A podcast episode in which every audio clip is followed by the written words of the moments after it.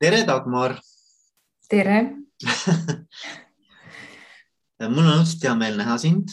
Ähm, ja, ja hea meel sind oma podcast'is äh, külalisena äh, siis võõrustada. aitäh. ja mina sinuga puutusin kokku, kui ma eelmisel semestril õppisin äh, kogukonna arendaja oskusi, omadusi, sellist arendamise ja juhtimise ähm, ma ei tea, kompetentsi siis või? Iseendas, et äh, see oli väga äge, kõigepealt väga äge aine, väga äge kursus äh, ja, ja mul juba seal oli kindel soov, et ma tahan sinuga ükskõik millal siis ka ei juhtu äh, rääkida veel nendel teemadel ja võib-olla tuua seda temaatikat natuke ka siis juhtimise või ütleme niisuguse organisatsioonide juhtimise konteksti sest ma arvan, need teemad on ikkagi väga-väga sarnased ja haakuvad. Ähm, ja väga palju mulle tundub, on õppida kogukonna juhtimise või kogukonna eestvedamise, arendamise valdkonnal, valdkonna, mitte valdkonnal, vaid valdkonnalt juhtimises. Äh, ettevõtete, organisatsioonide juhtimises noh, üleüldse üks teema on muidugi see ka, et kas, kas nagu organisatsiooni võib ka käsitleda kogukonnana, eks ole, võib-olla me lähme sinna, võib-olla ei lähe.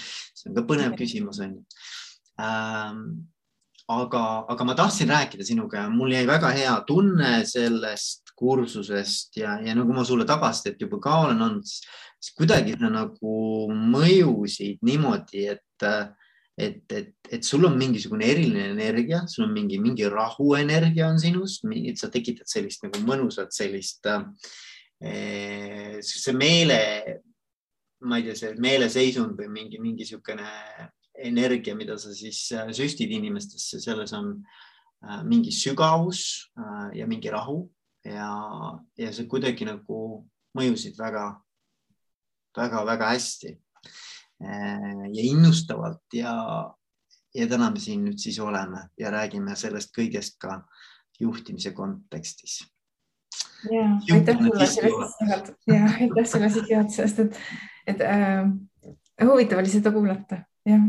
ja, ja siis äh, kui sinust veel rääkida, et siis sa oled, eks ole, Tartu Ülikoolis õppejõud äh, ja oled teadur. Võib-olla sa saad isegi nagu täpsustada, et mis äh, õppejõud ja mis teadur sa oled? ja äh, ma olen kogukonnatöö lektor ja see ametikoht puudutabki äh, kogukondade arendamise ja sotsiaalse heaolu magistrikava, kus mul on siis erinevad ained mm -hmm. ja ja ühtlasi siis äh, kogukondade arendamisega seoses on ka mitmeid äh, projekte töös, teadus- ja arendusprojekte töös, mis toobki sisse teise ametikoha mm. -hmm. et ma olen sotsiaalse innovatsiooni teadur, ja noh, need arendusprojektid noh, sisaldavadki sellise uue vaate või uute põhimõtete, isegi ütleks nagu filosoofia või maailmavaate sissetoomist sotsiaalvaldkonda. ja need on väga praktilised projektid. kaks nendest puudutavad avatud dialoogi ja teised on puhtalt sellised kogukonna arenduse, kogukonna suhete teemade projektid mm. -hmm, mm -hmm. ja, ja siit sa tõidki sisse selle märksõna ka see avatud dialoogi, avatud dialoogi meetod, mida ma arvan, me saame ka täna siin ühe teise nurga alt veel avada, eks ju. et ma arvan, paljud inimesed, kes täna seda podcast'i kuulavad, ei ole sellega kokku puutunud, aga ma, ma arvan, et see on asi, mida kindlasti mina vähemalt tahaks küll avada täna siin. Ehm, mis veel ah,, sul on ju raamat ka, Dagmar. Sa oled välja andnud eelmine aasta raamatu. jah, tegelikult tuli isegi kaks raamatut välja, aga et nii-öelda äh, teemade ülevaated, äh, mis, kus on sees nii avatud dialoog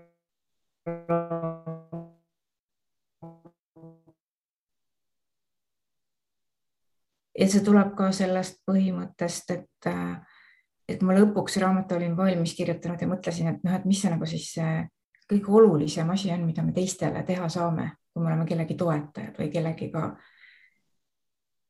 kaasteelised.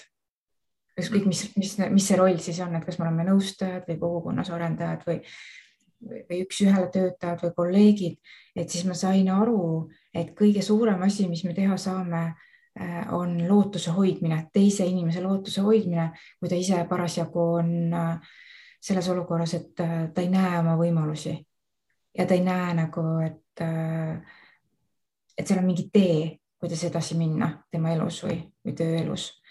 et, et sealt tuli see lootuse hoidjale jah, aga jah, just äh, aasta tagasi andsin välja ka teise raamatu, mis puudutab mu vanaisat ja vanaisa lugu ja see sündis, see raamat puhtalt äh, avatud dialoogi pinnalt.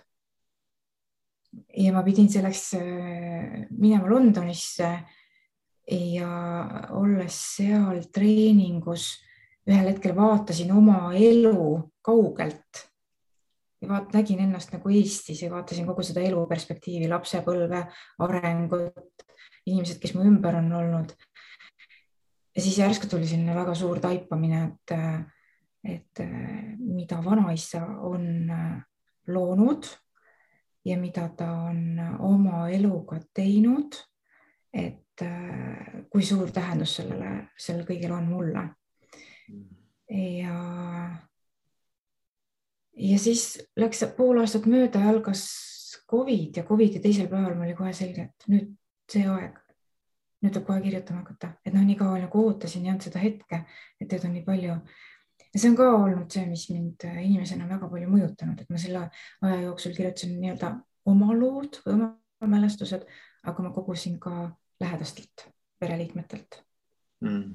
-hmm et, et see on ka võib-olla see inimeseks olemise avastamine mm. -hmm. ja, ja siis noh, ega sul on ju tegelikult, eks ole, see äh, akadeemiline taust, et, et, et kui sa seda ka avad, et mis, mis, mis su enda sellised äh, hariduse poolest nagu taust on? see on üks äh, hästi pikk äh, teekond olnud või nagu nagu huvitav teekond, et kunagi ei tea ise ka, kuhu see nagu edasi viib. et praegu, kus ma uuesti värskelt õpin natuke matemaatikat, siis ma mäletan, et ma kuuendas klassis tahtsin saada matemaatikaprofessoriks aga siis juhtus nii, et äh, läksin õppima hoopiski alguses eripedagoogikat, siis saan aru, et ma õpetajaks hakata ei taha ja ahaa, kes ma praegu olen, eks. Aga tollel hetkel oli see, et õpetajaks ma ei taha, et ma, et õppisin esimesed kursused ära ja sain aru, et äh, see on väga vajalik teadmine, mis ma olen saanud. aga et ma tahan edasi minna ja siis tollel hetkel äh, oli ülikoolis äh, psühholoogia instituudi juures psühholoogia õppekava kõrval võeti paar tudengit nagu sotsiaaltöö suunale, et ma läksin eripedagoogikast üle sotsiaaltöösse ja õppejõud, kes mind vastu võttis, noh, vaatas nii-öelda vestlusel pea laest jalad alla, nii ütles, et raudsed närvid peavad olema. Mm. ma siis püüdsin tõestada, et mul on raudsed närvid. Ja sain sinna ja edasi äh, jah, sotsiaaltöö, sotsiaalpoliitika äh,, sotsioloogia magister, aga vahepealsel ajal ka äh, Tampere ülikoolis natukene doktorantuuris äh,, siis Firenze ülikoolis ja mingid ajad ma võtsin kursuseid Itaalias jah, tõesti üsna palju, kuidagi nagu nägin, et seal on midagi ja veel olen suhtlemistreeneriks õppinud. erinevaid psühholoogia kursuseid või natuke teraapia põhju. ja, ja siis nüüd viimastest aegadest on jah avatud dialoog. kuidagi selline olulisem asi mm. -hmm. kuidas see kogukonnaarendus on tulnud, see tegelikult juhtus äh, kümme aastat tagasi ja koostöös hollandlastega, et meil ei olnud õppekava. aga mind kutsuti projekti ja, ja seal ma sain tuttavaks oma doktoritöö juhendajaga. ja ma mäletan ühte suve, kus ma iga hommik, kui ma jooksmas käisin, mõtlesin, et noh, kogukonna arendust on vaja, noh, midagi on vaja Eestis teha. sügisel juhtus lihtsalt selline hetk, kus küsiti, et kas on mingit kursust pakkuda, siis ma ütlesin kohe kogukonnatöö. ja, ja sealt tuli siis koos Hollandi professoriga Hans van de Vikiga meil ühine kursus magistrikavasse, varasemasse magistrikavasse. ja umbes siis nüüd juba võib-olla neli aastat tagasi, siis äh, juhtus uus pööre, et äh, avaneski võimalus, et hakata ette valmistama päriselt kogukondade arendamise õppekava. et, äh, et, et see on kuidagi olnud selline jah, nagu justkui oma õppimise teekonna loomine mm. ise kogu aeg, et noh, ebatraditsioonilisi radu pidi, et otsides seda, mida ma tunnen, et ma päriselt õppida tahan, nii on nagu läinud mm.. Mm, väga äge. ma loodan, et mul, mul on siin katuseaken, ma loodan, et see eh, mis praegu väljas toimub ja mis, missugune purgaa on, et see väga kõvasti meie mikrofoni ei kostu, aga, aga kui kostub, siis nii on, sest see on elu um, ja no väga äge, Dagmar, ühesõnaga mina ka ei tea, kuhu meie jutt täpselt täna läheb. Aga ma olen täitsa veendunud, et saab olema äge jutuajamine. võib-olla nagu esimene niisugune nagu niidiots, mida siis arutama hakata, mis mulle meeldiks, oleks see, et äh, mõelda selle peale, et äh,, et kuivõrd sina nagu näed paralleele siis ütleme sellise organisatsioonitöö ja organisatsiooni juhtimise ja kogukonna ja kogukonna juhtimise vahel või, vaid kuidas, kas seal on mingisuguseid selliseid nagu ühiseid alasid, ühisjooni ähm,, midagi, mis sind kohe ka nagu kõnetab? ja äh, kindlasti on mitmeid äh,. esimesena, mis mul pähe tuleb, on see, et äh, sa vihjasid sellele grupiprotsesside juhtimise ainele ja seal ma arvan küll, et äh, selles, mis juhtub inimestega mm, ühes koosluses, on see siis nagu kogukond või on see organisatsioon eh,. igal juhul on nagu ühisjooned, et kuidas inimesed teevad ühe teekonna läbi, enne kui nad jõuavad koostöösse. ja, ja see teekond on äh, põnev alati ettearvamatu. Äh, ta ei ole kerge.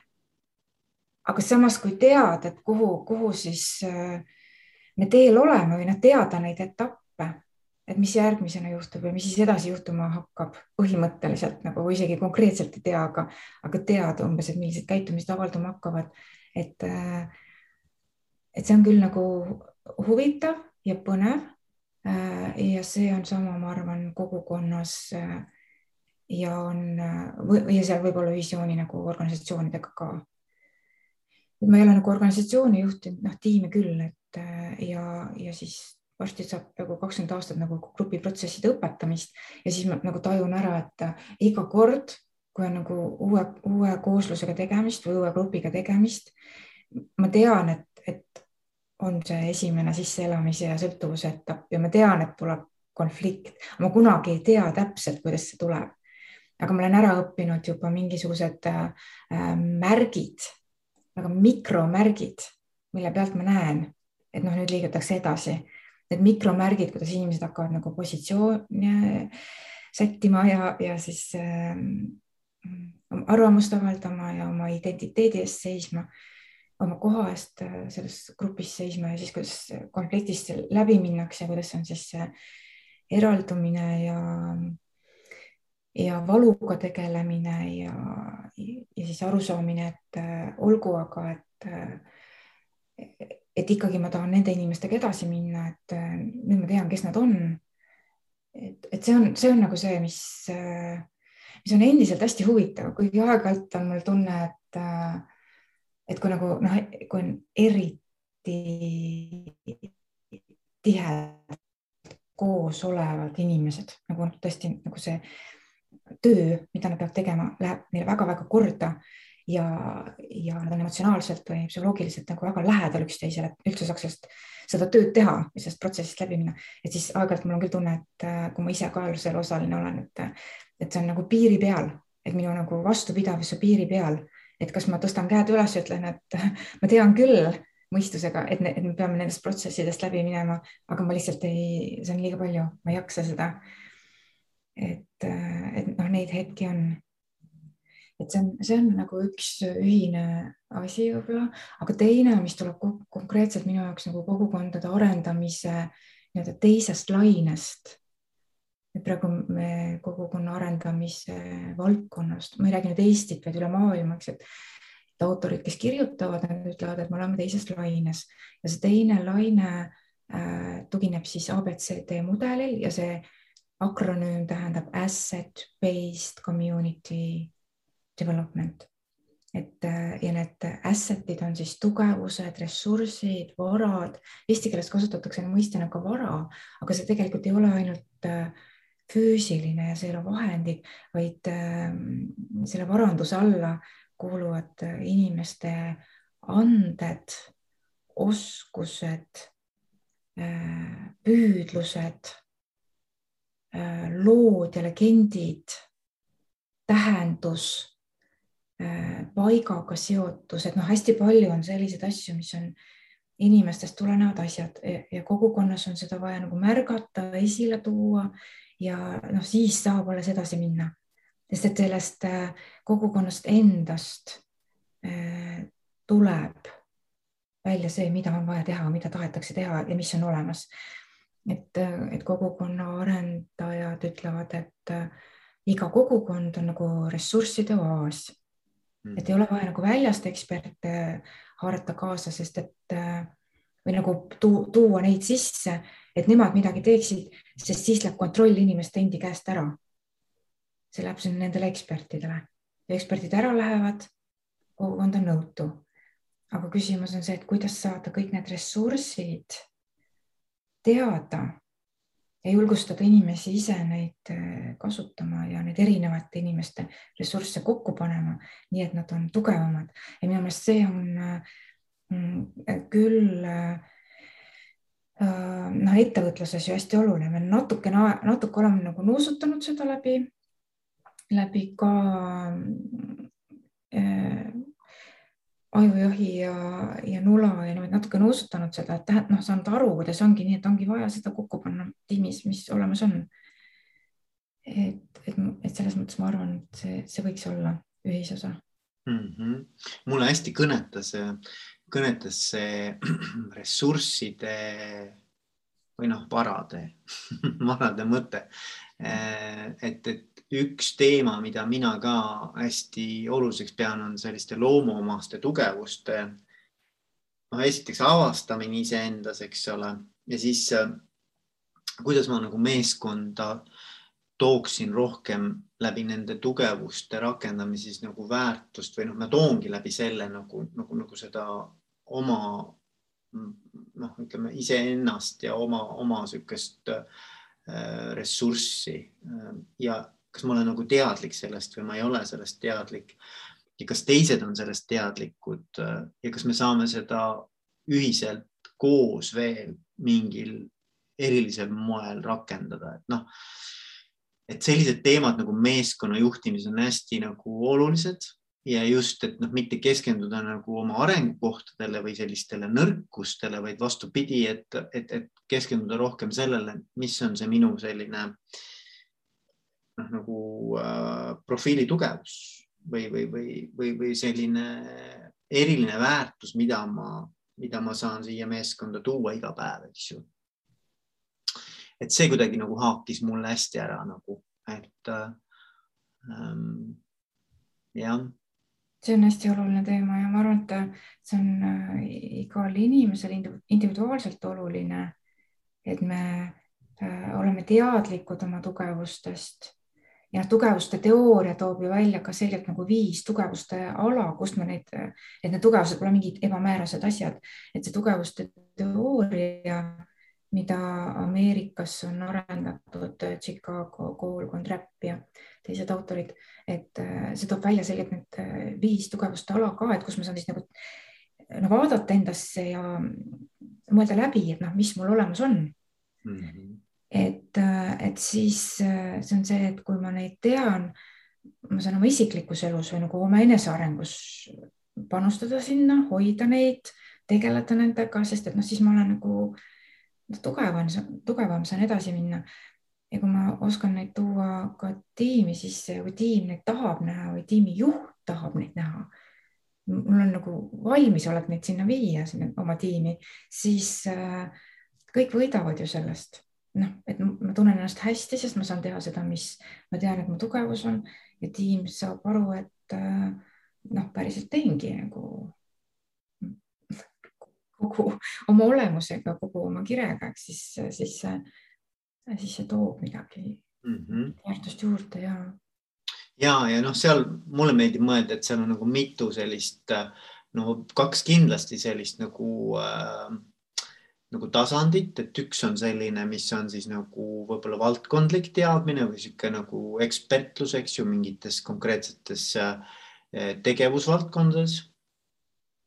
Nagu kompetentsid, eks ju, aga teine ja ma arvan, mitte vähem olulisem oleks see, milline on mu isiksuse profiil ja kuidas nagu see meeskonna rollis väljendub, et noh, et ma võin olla noh, niisugune nagu ütleme, innovaator, eks ole, mulle meeldib rohkem uusi ideid ja uuenduslikkust tuua meeskonda, olla niisugune pigem niisuguste suurte ambitsioonikate ideede genereerija või mhm. siis ma ei tea, oled rohkem vastupidi, just niisugune praktik ja niisugune käed mullas ja ärategija, kes toob kõik maa peale, on kahe jalaga nii-öelda realist, eks ju äh,. sihuke praktiline pool, eks ju äh,. ellu viia siis nii-öelda ja siis, ja siis võib-olla ma ei tea, seal võib olla ka siis näiteks perfektsioniste, eks ole, kes on sellised detaili inimesed, kes nagu vaatavad, et kõik nii-öelda pisipeensusteni jookseks täpselt nii nagu filigraanselt vaja on.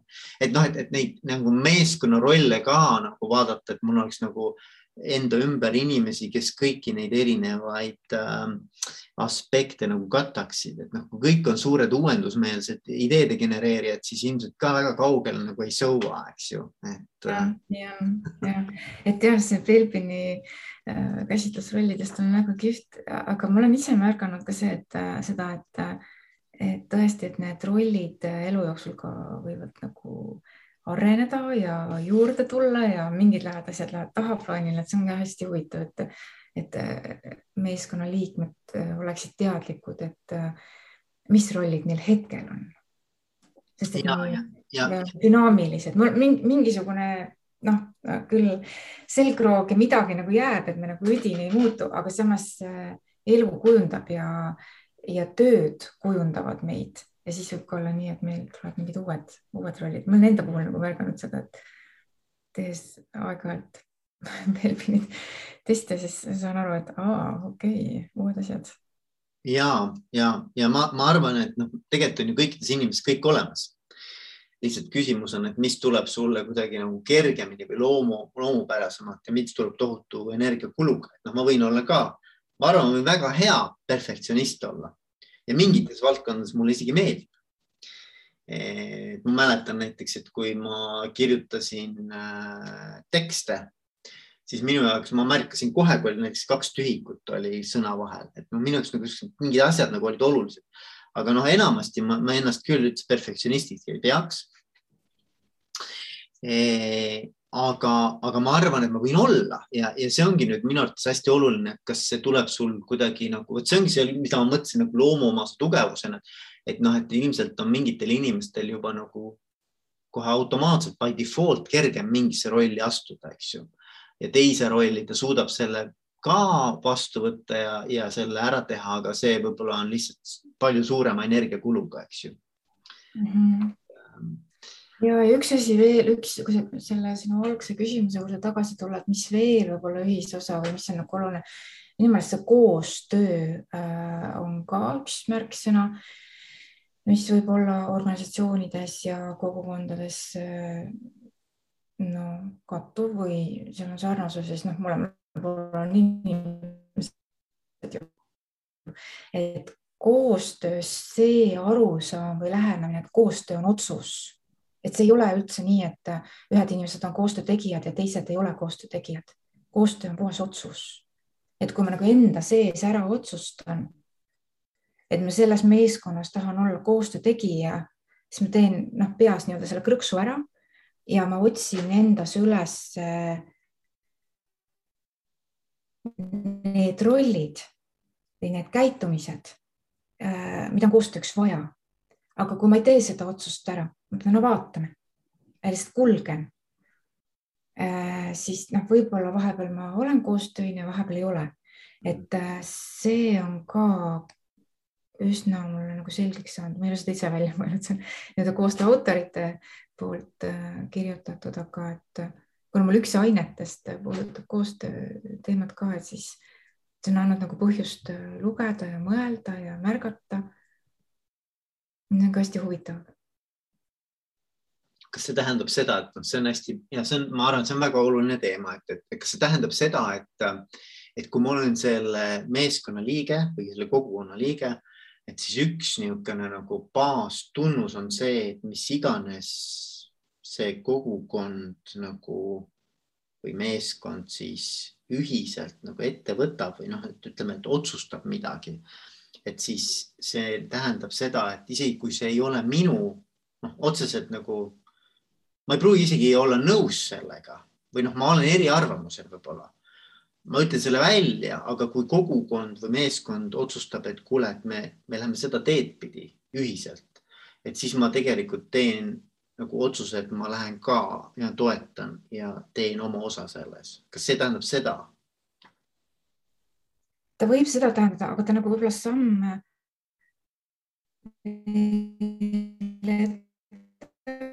poole, et kui ei ole koheselt ja automaatselt äh, Äh, koostöö tegijate seltskond. et kui, kui inimesi valitakse meeskonda, siis neid valitakse äh, suure tõenäosusega oma ekspertsuse pärast mm. -hmm. aga ekspertsus ei taga seda, et see mees, see meeskond koos tööle hakkab, päriselt nagu ühe eesmärgi nimel tööle hakkab. selleks, et, et hakkaks ühine tegutsemine, seal ongi nii-öelda see koostöökäitumist vaja, aga see koostöökäitumine seisab selle taga, et on vaja teha oma peas otsus ära, et jah, ma otsustan olla koostöö tegija.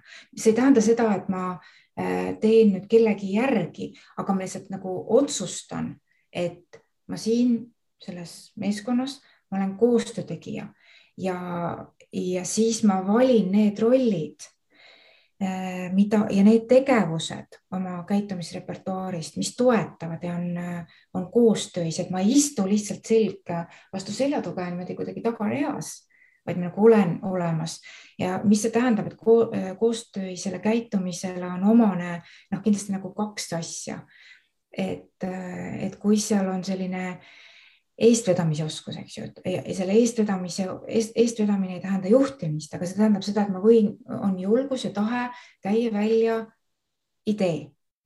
aga sellest ka veel ei piisa, et sel, kui see, kui ma suudan selle idee äh, teistele edasi anda, nii et nad seda mõistavad ja nad leiavad, kuula-, suudavad nagu leida sealt enda jaoks äh, positiivse mõtte ja kui ma suudan äh, selle tegevuse ka lõpuni, lõpuni viia.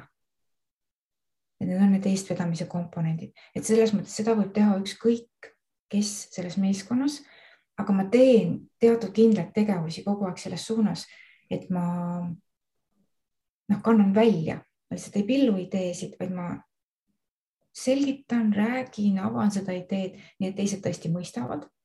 Ja siis ma ise hakkan tegema samme ja, te, ja luban nagu teistel tulla kaasa, et hakata tegema neid samme, et see tegevus saaks tehtud. Mm.. ja, ja järgmisel hetkel võib tulla keegi teine sellest meeskonnast ja käib välja idee ja hakkab töötama selles suunas, aga see, see nõuab sellist äh, koostöise käitumise komponentide ülesotsimise enda sees mm. -hmm. et need on inimestel olemas aga on valik, et kas ma tahan seda kasutada teadlikult või ma ei taha seda kasutada. Hmm. vahel inimesed noh, nagu ei otsusta või otsustavad vaikimisi, et ma ei taha tegelikult koostööd teha. et ja siis nad on selles meeskonnas justkui olemas küll. aga seal ei ole koostöö seda tasandit või kihti, sest hmm. see on võib-olla see üks mõte küll. kogukonnas on see natukene vabam, sest et kogukond lepinguid ja kindlaid tööülesandeid, et kogukonnas inimesed saavad äh, selle sidususe määra valida ise ja see sidususe määr võib nagu varieeruda ka. et ühel hetkel on äh, inimene rohkem seal tuumikus ja, ja on aktiivsem ja tegutseb aktiivsemalt. teisel hetkel ta noh, võib nagu äärealale, see ei tähenda, et ta ära kaob ja midagi selles ei ole mitte midagi valesti. aga lihtsalt see on see, et on võimalik nagu liikuda mm.. ja vot sellist vabadust, mida kogukond annab, et äh, saab selles läheduse määras või sidususe määras liikuda, äh, seda inimesed ihaldavad, seda on vaja, aga sellist läheduse määra valikut ei ole tööelus võimalik, sest kui ma lähen liiga äärealale, siis tööandja laseb mul lihtsalt lahti. või kui peres hakkab see liikumine toimuma, et, äh, et ma siin praegu ei, ei taha asju vedada või teha, on ju, et siis noh, pere laguneb ära lihtsalt mm. -hmm Mm. et aga kogukonnas suurem hulk inimesi äh, on, on see selline sidususe määr ja, ja vabadus suurem mm. -hmm. mulle nagu meeldis, mulle väga nagu kõnetas see mõte, et, et inimene äh, lähtuvalt siis oma sellest olukorrast või mida ta näeb, mis on kõige olulisem hetkel Äh, selle meeskonna jaoks, et ta nagu käib välja siis oma mingisuguse nägemuse või idee, et mida peaks siis, äh, on see siis tema valdkonnas või, või laiemalt, eks ju, tegema. Ja et siis tal on ka see võimekus seda nagu teistele selgeks teha ja võib-olla ka võtta mingisugused esimesed sammud või noh, hakata seda asja nagu siis päriselt ka teostama et, äh, et, et see, see juhtimismudel, mida mina ka praegu uurin ja, ja, ja püüan äh, rakendada ühes ettevõttes, siis holakraatia, eks ju. Et seal nagu väga paljuski on sarnane see, see lähenemine, et seal on niimoodi, et iga inimene koosolekul siis küsib nagu enda käest, et kas mul on midagi, mis täna nii-öelda takistab mind oma rolli maksimaalselt hästi täitmast. ja ikka küsida, et, et noh, takistus on üks pool, aga võib-olla, et mis aitaks mul veel paremini täita oma rolli. Ja siis sellest tekib tegelikult koosoleku nagu agenda või päevakord koha peal mm.. et, et nagu igaüks küsib enda käest, et, et mis on see, mida ma vajan praegu selleks et oma rolli siin meeskonnas kõige paremini täita. ja noh, see on natuke ka siis, et sa pead nagu suutma seda siis selgitada inimestele. ja, ja siis seal on oma protsess, et äh, kuidas sa saad siis küsida teistelt ka abi või ise öelda, et mis see järgmine samm on, mida mina ette võtan selleks ähm,. aga noh, tavaliselt see tähendab siis ka ikkagi mingisuguseid äh, sisendeid kelleltki teiselt või mingisugust äh, panust kelleltki teiselt rollilt äh, aga jah, et, et see, see nagu, see vastutus lasub nagu sellel rolli täitjal, et noh, et mina ise ütlen, et mis mul vaja on või et mida ma näen, mis oleks nagu õige äh, selle rolli eesmärkide täitmise poole liikumiseks ette võtta. Ja noh, loomulikult, et siis meeskond toetab ka, kui vaja on, eks ju, see ongi see koht, kus siis nii-öelda me saame omavahel arutada neid asju. aga jah, et, et niisugune nagu vastutuse pool võib-olla nagu, et, et niisugune et ma ikkagi ise vastutan selle oma rolli täitmise eest.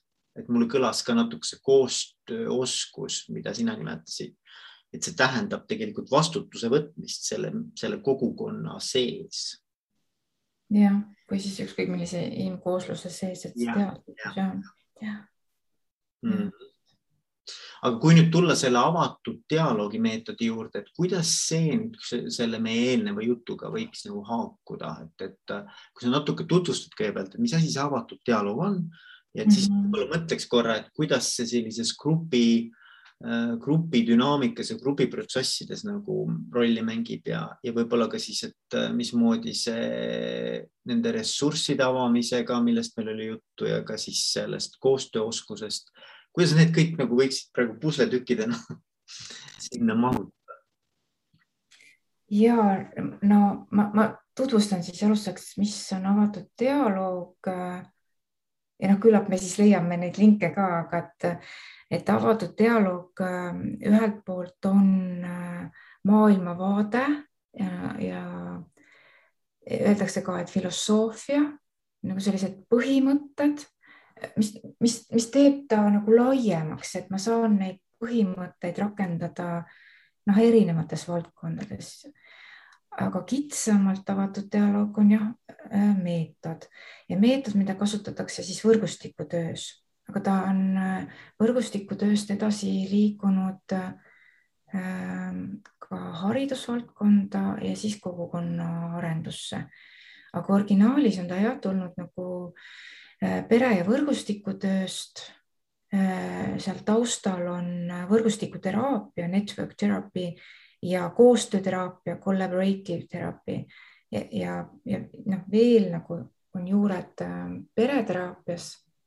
et teda kasutatakse tänapäeval paljudes riikides vaimse tervise valdkonnas, kui töötatakse peredega.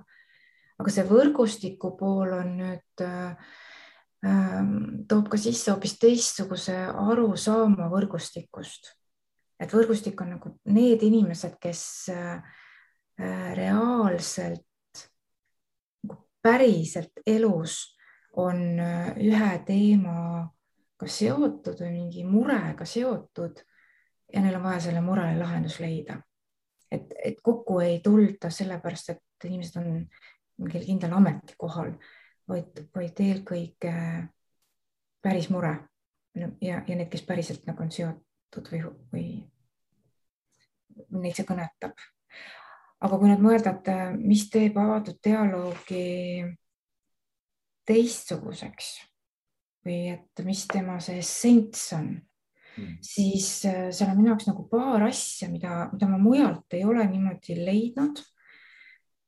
ja, ja no üks nendest on äh, polüfoonia Eesti keeles võiks öelda siis nagu mitmehäälsus.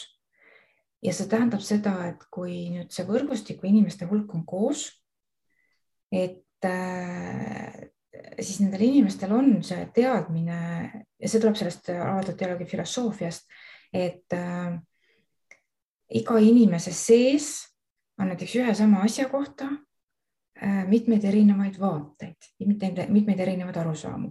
Ja ma ei pea nagu ära otsustama, et äh, mida ma täpselt ühest asjast arvan, vaid et ma, võin seda näha nagu mitme nurga alt ja mul on mitmeid erinevaid tundeid või mõtteid või kogemusi või arvamusi. samavõrd on nii, et äh, igal inimesel indiviidil on niikuinii vähemalt oma vaade asjast ja, ja siis, kui tuua veel sisse, et, et me oleme selle välise polüfooniaga, et me igaüks asjadest arvame erinevalt ja näeme neid erinevalt ja toome selle sisemi, igaühe sisemise polüfoonia ka veel nagu ühte ruumi, see tähendab seda, et põrkub väga palju erinevaid hääli, väga palju erinevaid kogemusi, väga palju erinevaid arvamusi. Ja tavaolukorras kui ma vaatan, kuidas inimesed käituvad, kui on nagu väga palju erinevaid arvamusi Äh, no siis läheb nagu võistlemiseks, arvamuste võistlemiseks ja on tunne, et peaks nagu tõe välja selgitama. aga avatud dialoogis seda ei ole. ja selle järgi ei ole vajadust ka. ja, ja selles polüfoonias, selles mitmehäälsuses, tulebki nagu muusikast, eks ju, et sellest polüfooniast äh, asetatakse nagu need hääled üksteise kõrval, need kuulatakse ära ja, ja ma kuulan neid äh, äh, tolereerides neid. et ma ei, ma ei pea suhestuma nendega, ma lihtsalt äh, kuulan teist inimest, saan aru, et aa, ta mõtleb nii, tal on veel selline vaade. ja siis avatud dialoogi viis olla ja see omapärane rütm, mis seal tekib, võimaldab olla hästi paljude erinevate vaadetega ühes ruumis mm.. ja teine asi on seal, teine põhimõte on see, et, äh, et arusaamine, et me igaüks oleme kellegi teise silmis teine, see the other, teistsugune, teine.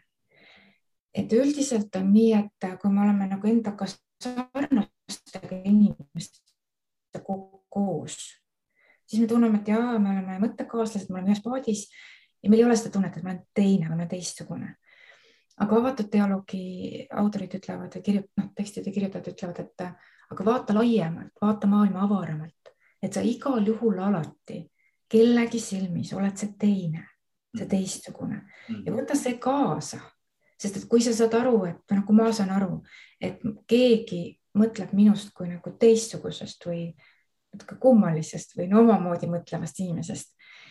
Et, et siis ma omakorda sall, suudan sallida seda teist ja teistsugusust.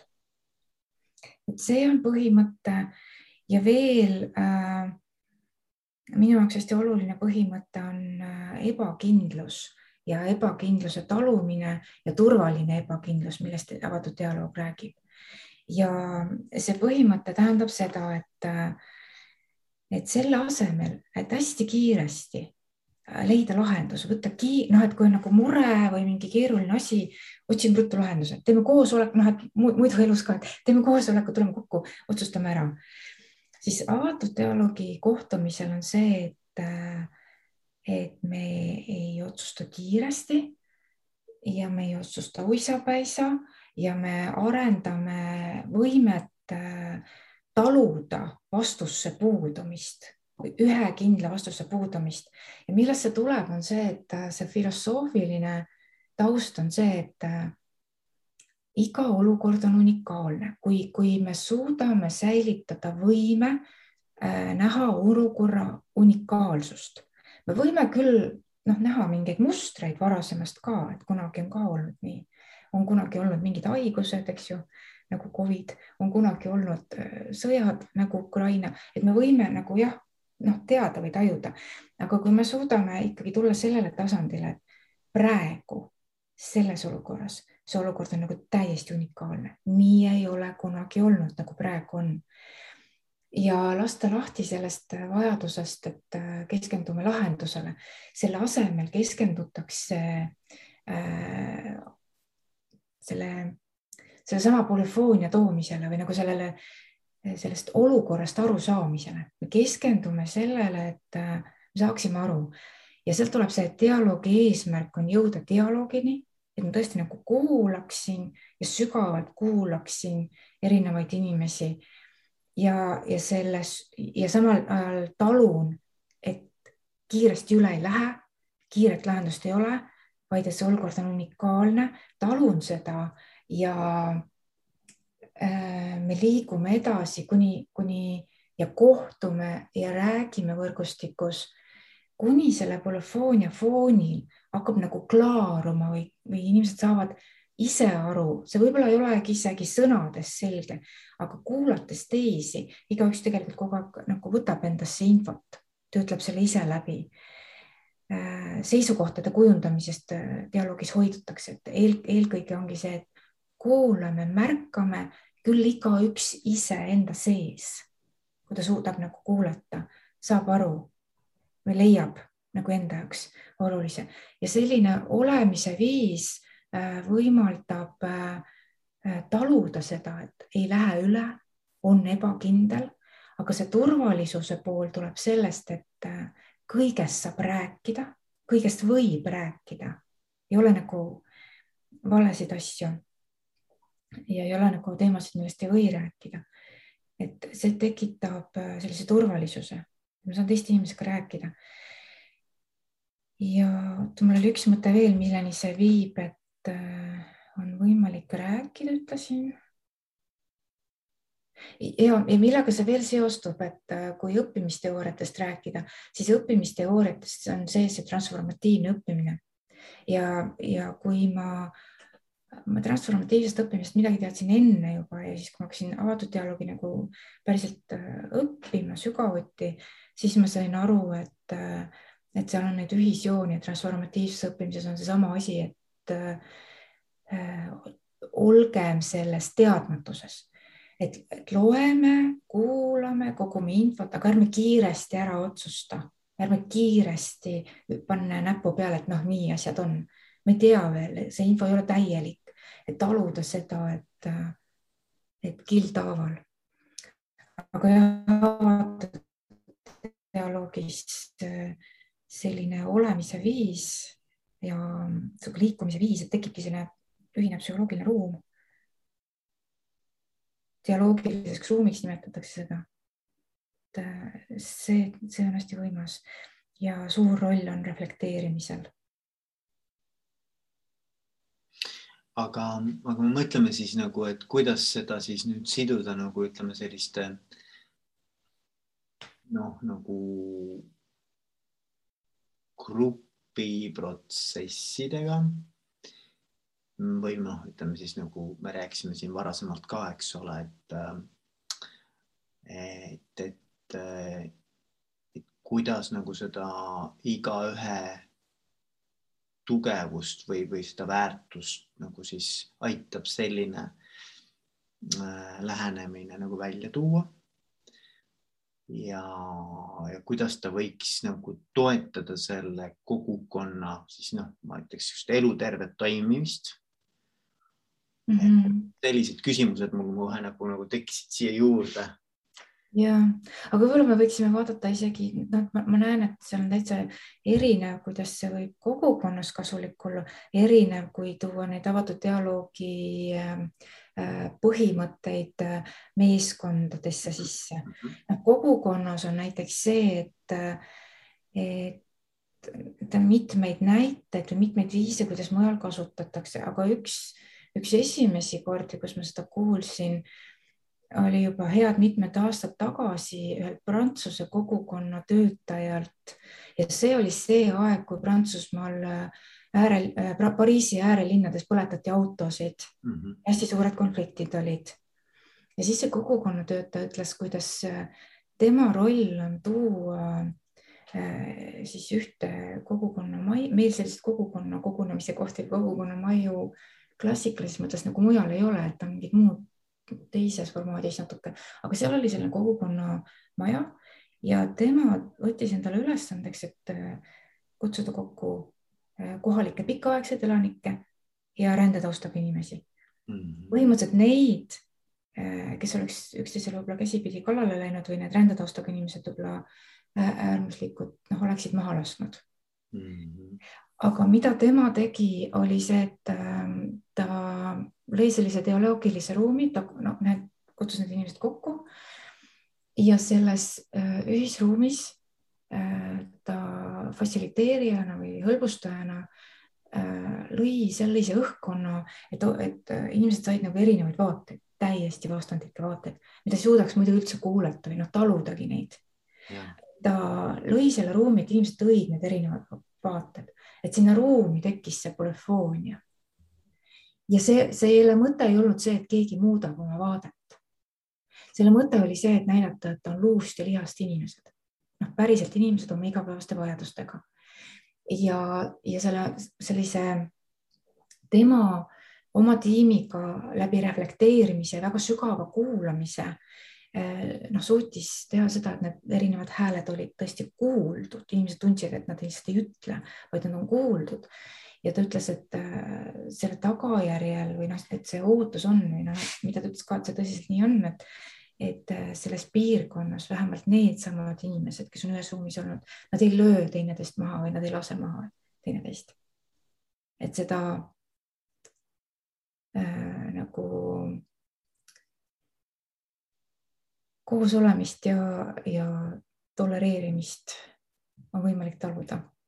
Et kas see on siis nagu sellise nagu polüfoonia taustal mingisuguse nagu sellise aktsepteerimise või, või ütleme siis võib-olla aktsepteerimine on palju, aga, aga mingisuguse mõistmise äh, tekitamine jah, võib-olla jah, sellise märkamise, mõistmise, aga üks põhimõte, mis mul jäigi enne mõtlema, ütlemata dialoogi poolelt tuli nüüd meelde, on äh, hinnangute vaba.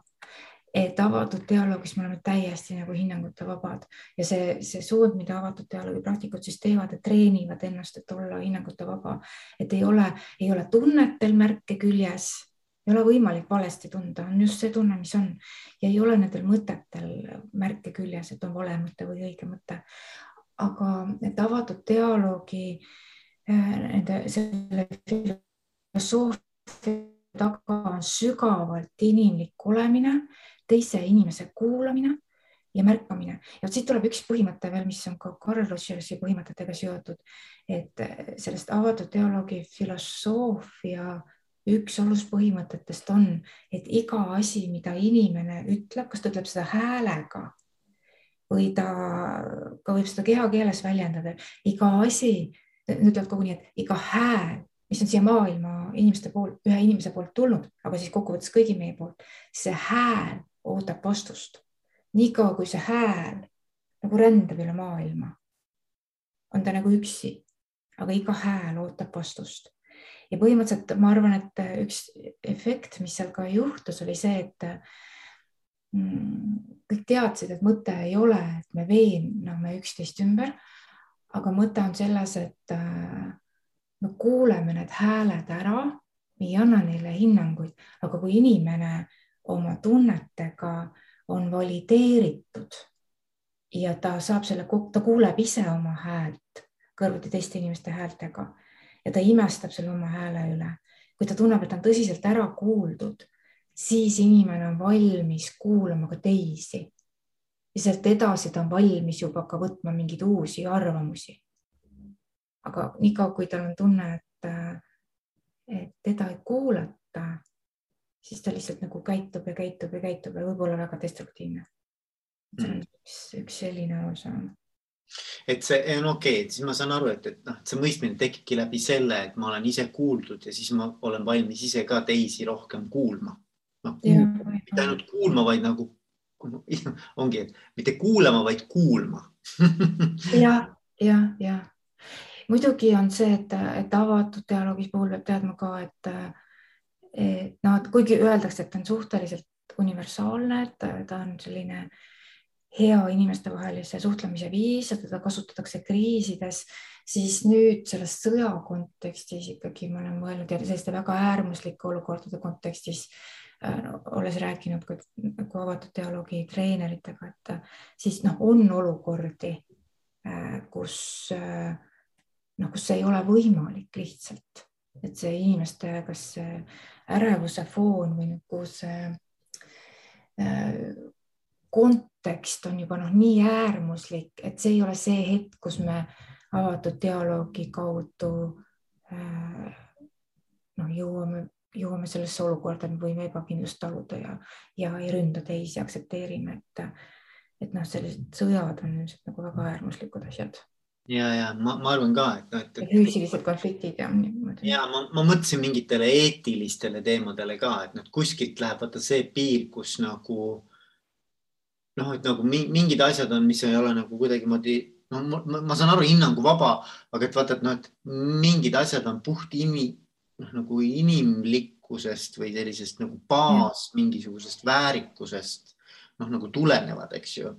et, et, et sealt üle minna, siis on nagu väga raske, ma arvan, seda noh, võib-olla on võimalik, aga, aga ma arvan, üliraske nagu saavutada. ja et selles mõttes sellesse dialoogi kindlasti ei kutsuta kokku, et äh, üks pool, kes on äh, noh, väga vägivaldne olnud ja teine, kes on siis ohver olnud, et noh, neid inimesi ikkagi panna, et kõigil peab olema selles dialoogis turvaline. just, just. et see, see on ikkagi see tingimus, et esimene asi on, et need, kes kokku tulevad, et neil peab olema turvaline.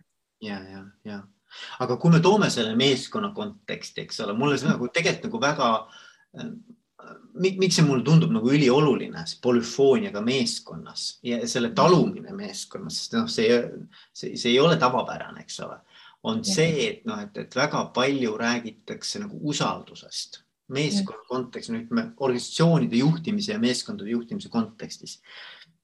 niisugune usaldustase kui üldine vundament nagu selle meeskonna nagu toimimiseks, eks ju. ma, ma arvan, kogukonnas samamoodi, eks ju et aga et nagu, et, et mulle tundub, et selline nagu üksteise äh, nagu ärakuulamise keskkonna loomine, kus meid ära kuulatakse, eks ju. Mhm. ükskõik, mis mu arvamus on. et see loob nagu võimaluse, kus ma saan päriselt siis nagu olla ka nagu noh, avatud ja haavatav ja selline nii-öelda nagu, nagu noh, ma, ma päriselt olen ehe ja siiras, eks ole, et mm, -hmm. et see tundub mulle nagu eeldus üldse, et tekiks mingisugune selline usalduslik suhe. ja et ma, ma olen ka sellel teel, et, et otsida seda, et kuidas meeskonnas rakendada, et noh, et oma tiimis, meie uurimisrühmas me harjutame seda ja ja kaks asja, mille, mida ma olen saanud nagu kätte juba, et see täiesti toi, toimib ja töötab väga hästi. üks asi on see, et kui, kui meid äh, treenitakse avatud dialoogi fassilitaatoriteks, hõlbustajateks nagu praktikuteks, siis üks treeningu osa on see, et kui me reflekteerime äh, siis ma kol- ja me oleme mitmekesi alati, et oleks äh, võimalikult objektiivne, kellegi hääl ei jääks domineerima, et ka need, kes viivad läbi, nende hääl ka ei tohi domineerima jääda siis äh, seal on see põhimõte, et kui mu kolleeg isegi ütleb väga hea mõtte välja, siis ma ei kinnita seda. ja, ja kui, äh, kui me nagu toome erinevaid äh, peegeldusi välja, siis me püüame, et need on erinevad. ja, ja vot sealt on tulnud näiteks meie oma tiimi selline käitumisviis, et kui ma ütlen mingi oma Äh, arvamuse või oma kogemuse või uurimusega tulnud mingisuguse asja nagu välja, siis kolleeg kõrval ütleb, et ja ma toon siia polüfooniat, ma ütlen selle. ja see on nii kihvt. Ja siis hakkab niimoodi ja, ja kõik julgevad. Ja see, see lause algus juba, et ma toon siia polüfooniat, siis on kõik oh, ja, ja väga äge, too veel midagi, et me ei kinnita üle ja siis need tuleb nii palju erinevaid vaateid ja see on midagi, mis on äh, hästi kihvt, turvaline viis, sest tavaliselt äh, sellistes konventsionaalsetes koosolekutes, et siis kohe, kui keegi ütleb natuke teistsuguse arvamuse, siis justkui tunneb, et see teine arvamus asetab üle ja kui ma siin enne näiteks ütlesin, siis mulle tundub, et aa, ma ei tea nüüd minu arvamus enam ei kehti või et see ei olnudki nagu nii tore või no nüüd peab ka võistlema. aga selles äh, avatud dialoogi õhkkonnas, selles polüfoonias on selline hasart lausa, et õige ja nii saab ka näha asja.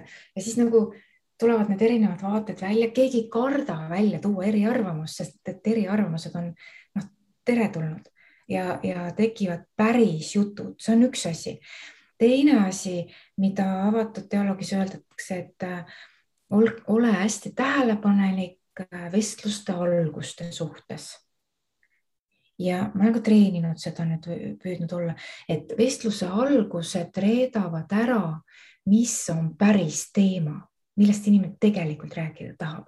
vahel on noh, ma mõtlen koosolekute kontekstis on ju nii, et meil on mingi agenda paika pandud, noh, saadame juba ette ka, et täna räägime nendest asjadest. aga siis, kui see esimene hetk kokku tulla on, siis ma olen pannud tähele, et tegelikult inimesed spontaanselt hakkavad rääkima mingitest selle hetke asjadest või olulistest asjadest mm. -hmm aga siis, kui kogu, kogu see koosoleku juhataja ütleb, et ja meil oli päevakava, lähme päevakava juurde, et siis on juba nagu kuidagi ära kaaperdatud mm. -hmm. aga avatud dialoogis on tegelikult võrgustiku kohtumisel on nagu kaks küsimust, et mis on tänase kohtumise taustalugu ehk siis millega keegi tuli siia, mida sa mõtled, arvad, mis sa oled oma peast nagu mõelnud, et me täna räägime. ja see ei ole üldse seotud kuidagimoodi selle kirjaga tulnud päevakorrapunktidega, sest mm. igaüks saab nendest päevakorrapunktidest täiesti omamoodi aru. Mm.. et kui on võimalik see ehedalt välja mõelda, et aa, ma lugesin, seal on see punkt, ma tahaksin niisugusest asjast rääkida. tegelikult ma mõtlesin, mul on veel see teema, et see toob teistsuguse alguse, et ühesõnaga igaüks saab seda taustalugu ja teine ring on, et äh, äh kuidas on parim kuidas oleks kõige parem tänast aega kasutada, millest me võiksime rääkida. Ja igaüks saab selle välja öelda sealt hakkab ka kooruma see ühine ja siis on päris teema ja päris asi. et see ei ole nagu ette paika pandud. et, et need on need, mida ma äh, äh, noh, ise võtan ja nad teevad täitsa teistmoodi olemise sellel koosolekul. et äh, ja need lähevad vastuollu selle konventsionaalse viisiga mm -hmm. ja ja, ja, ja jah, see, see, see, see muidugi ütleme, minu arvates on see väga selline atraktiivne mõte, polüfoonia ja, ja arvamuste mitmekesisus ja arvamuste isegi soodustamaks erinevaid arvamusi, eks ole äh,, julgustamaks äh, aga jah, et, et, et, et ütleme, et võib-olla see küsimus, noh, kui ma panen ennast nüüd kuulaja rolli, eks ole, et siis see küsimus nagu alati tekib, et et jah, et igaüks küll nüüd võtab siit siis või noh, tema sättib see, kuulates erinevaid mõtteid ja erinevaid arvamusi, et see sättib see tema enda tõde, eks ju, või tema enda nagu nägemus mm. -hmm. ja see ongi kõige olulisem, eks ju, et sa saad nagu selles kontekstis ise mõelda läbi, mis see sinu jaoks tähendab. aga et nagu, et kui me paneme nagu meeskonna konteksti, kus on tegelikult nagu ka eeldused, siis midagi võetakse ette et, et siis ta nagu noh, tekib see küsimus lihtsalt ilmselt inimestel, et kust tekib siis see kristalliseerumine, mida siis järgmise sammuna noh, kus, kust tekib see järgmine samm, eks ole mm. -hmm. just, hästi hea küsimus. võib-olla see on nagu see, mida, mida, kui ma püüaks praegu ennast panna nagu kuulaja mm -hmm. saabastesse, et siis ja, ja teate, avad, just on hästi hea küsimus, et ja loogiline ka, sest kuidagi peab ju siis sealt kohtumiselt ära minema mingi teadmisega, et ähm, avatud dialoogis endas on see äh, arusaam, et äh, üksteisele äh, noh, kui ei, korraldusi ei jagata, vaid et äh, vaid et inimesed hakkavad ise välja tooma, et noh, ongi arusaadav, me oleme ühe mure pärast koos ja. Ongi vaja see ära lahendada, päriselt me oleme nii seotud selle murega, et siis hakkab iga inimene ise äh, järjest avastama, et mida mina teha saan. Okay.. ma olen märganud küll, et, äh, et meie oma tiimis, ilma et äh, ma nagu ütleks seda, aga siis noh, et noh, et okei okay,, et noh, selles mõttes ei ütleks, et nüüd hakkame lahendusele peale mõtlema, et mis me siis nüüd teeme, vaid pigem see tuleb nagu loomulikult, et pilt on klaar, ma saan aru, kuidas igaüks olukorda näeb. Äh, missuguseid äh, aspekte ta on välja toonud. Ja siis ma hakkan aru saama, et äh, et okei okay,, mida mina nüüd selle olukorra lahendamiseks teha saan. Ja siis ma hakkan välja ütlema. Ja kui nagu keegi juba hakkab välja ütlema, siis ütlevad teised ka välja. Ja see on palju parem, sest ma võtan selle ise ja, ja ma võtan ise vastutuse ja teen ka, aga mida ma olen märganud ja kui ma olen ähm, ka meie, noh, praegu on üks treeninggrupp nagu käimas, seal treeninggrupi harjutuste käigus näinud, et siis on, on nagu üks kiht veel, et äh, ma ütlen küll nüüd selle murega seoses, meie ühise murega seoses mingid asjad välja, mida ma teen. aga ma olen teiste ja enda puhul märganud, et sellisel tõeliselt nagu sisulisel rääkimisel ja teiste kuulamisel, selle käigus äh, ma saan tegelikult midagi veel kaasa ja need on need asjad, mida ma ei tee selle murega ja nende inimestega seoses, aga ma midagi teen veel, kas oma mingi teise tööga seoses või no mingi korrektuur oma isiklikus elus või kuskil oma arengus või midagi. Lähen koju, tean, et ei, ma pean selle raamatu kindlasti tellima, mul on hädasti seda raamatut vaja, ma tahan seda kindlasti lugeda. Et või ma pean selle asja või selle kirja kirjutama sellele inimesele ära, et ma, et nagu üks kiht tuleb veel. Ja see on nagu huvitav, et, et see juhtub. Ja noh, see on minu jaoks see teekond, et ma tahaks nüüd järgmisena nagu lugeda selle kohta, et mida autorid selle kohta ütlevad, mis, et mis protsess nagu veel käivitub. Lisaks sellele, et me teeme mingit ühist tööd. ma olen ise ka ära liigutatud selle oma mugava koha pealt. Ja võtan endaga ka midagi ette. Ja, ja, ja mm -hmm. väga huvitav ma, ma ise olen noh, võib-olla see üldse ei haaku sellega või noh, tähendab, ta peab haakuma, sest minul tekkis see seos aga mm., aga noh, ma ei tea, kuidas see sinu jaoks kõlab, aga et üks asi, mis minu jaoks on nagu alati on nagu hästi põnev mõte, on see, et iga organisatsiooni nagu lõppeesmärk või ütleme, kõige olulisem eesmärk on ikkagi inimese areng ja, ja, ja kui sa mõtled selle peale, siis see on nagu ka mingi kõrvalprodukt, aga mitte nagu ma ei taha vähendada selle olulisust, vaid noh, ta nagu ongi paralleel, ütleme siis nagu tulemus sellele nii-öelda siis meie ühisele asjale, mida me siin ajame. Ehm, noh, et mingi eesmärk, ma ei tea, tahame olümpiavõitjaks saada, eks ole. see, et ma sain olümpiavõitjaks, on üks asi. aga nüüd see minu arvates see teine pool, inimesena areng või isiksusena areng on see, et milline inimene minust saab, kui ma selle olümpia ära võidan. et, et nagu ma, et, et toimub paralleelselt nagu minu isiksuslik areng ka, et ma, et nagu mingis mõttes ma saan nagu, nagu olümpiavõitja küpseks. et, et, et, et kuidagi see nagu toimib niimoodi, et ka mina inimesena pean ennast, mitte ei pea, vaid ma, ma isegi nagu noh, see toimub niikuinii et ma, ma muutun läbi selle protsessi, kuidas minust sai olümpiavõitja. ja, ja mulle tundub, et noh, et see on midagi sarnast, mida sina räägid, noh, et, et üks asi on see, et ma hakkan siin midagi tegema selle nimel, mis me siin arutasime. aga et see protsess nagu muudab mind inimesena selle käigus. ja minu meelest täiesti äge paralleel, et, et noh ja no ma mõtlen, kui mõelda olümpiavõitja peale, no siis ei saagi ju seda olümpiavõitu tulla, kui nagu ei treeni nagu, me ei tee inimesena endast nagu mingit lüket ära või see ei ole võimalik. ma ei saa jääda samasuguseks ja teha siin mingi olümpiavõit ära ja siis tulla tagasi olla.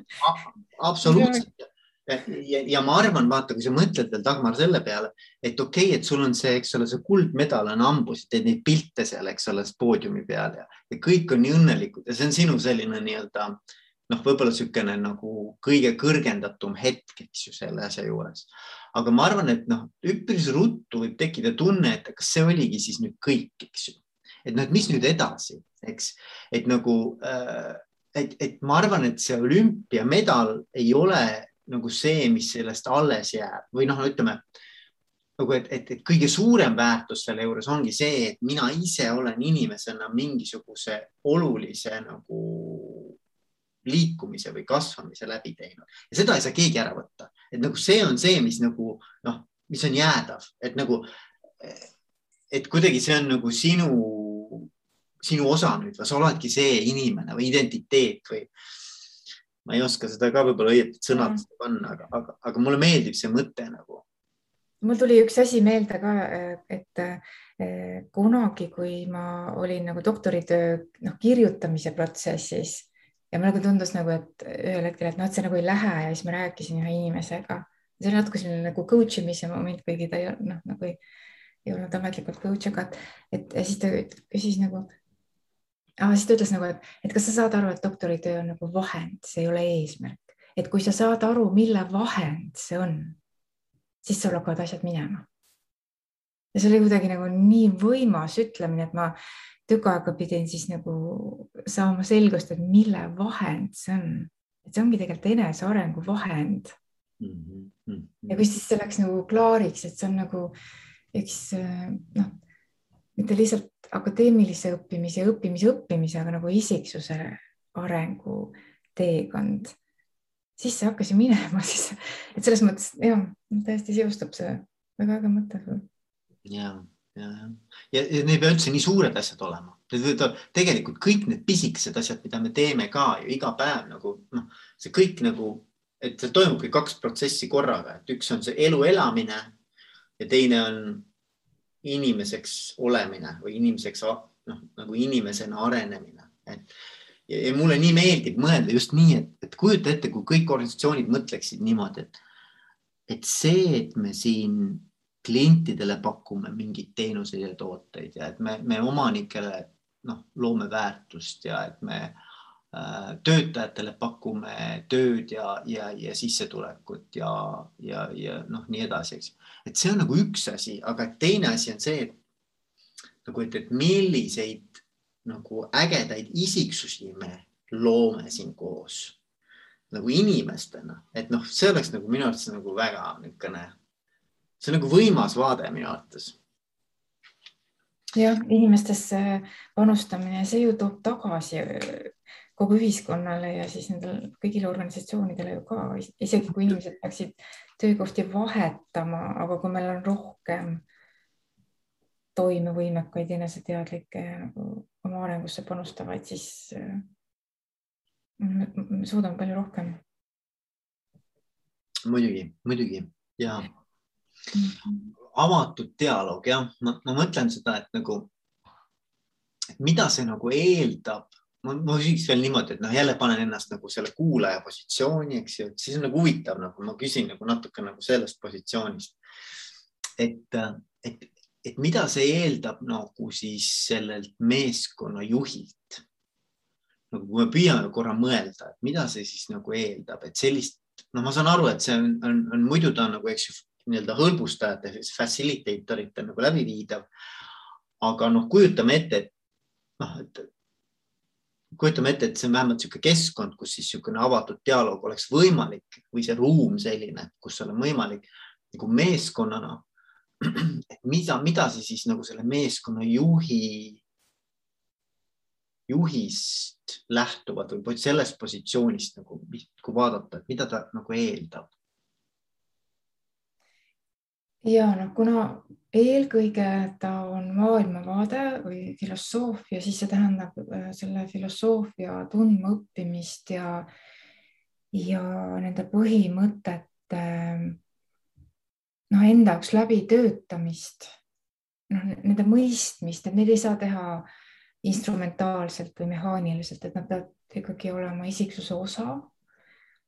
ja noh, see on, see on võimalik, et, et selles mõttes, et enne kui ma ise treeningusse läksin, ma olen lugenud ikka mitu aastat neid tekste ja need hästi köitsid ja mulle tundus see nii kihvt. et selles mõttes ma arvan, et, et mingil määral äh, lugedes, võttes äh, omaks kasvõi need äh, esmased põhimõtted, on võimalik juba teha samme. aga noh, teine teekond, et kes, kes tahab tõesti need oskused kätte saada. et kuidas siis inimestega suhelda, kuidas sellist dialoogilist ruumi luua. et see, selleks oleks vaja treeningut. ja noh, neid treeninguid tehakse, Eestis meil küll ei ole veel äh, treenereid, aga sellest näiteks noh, Soomes on, Rootsis on, et meie ümber on.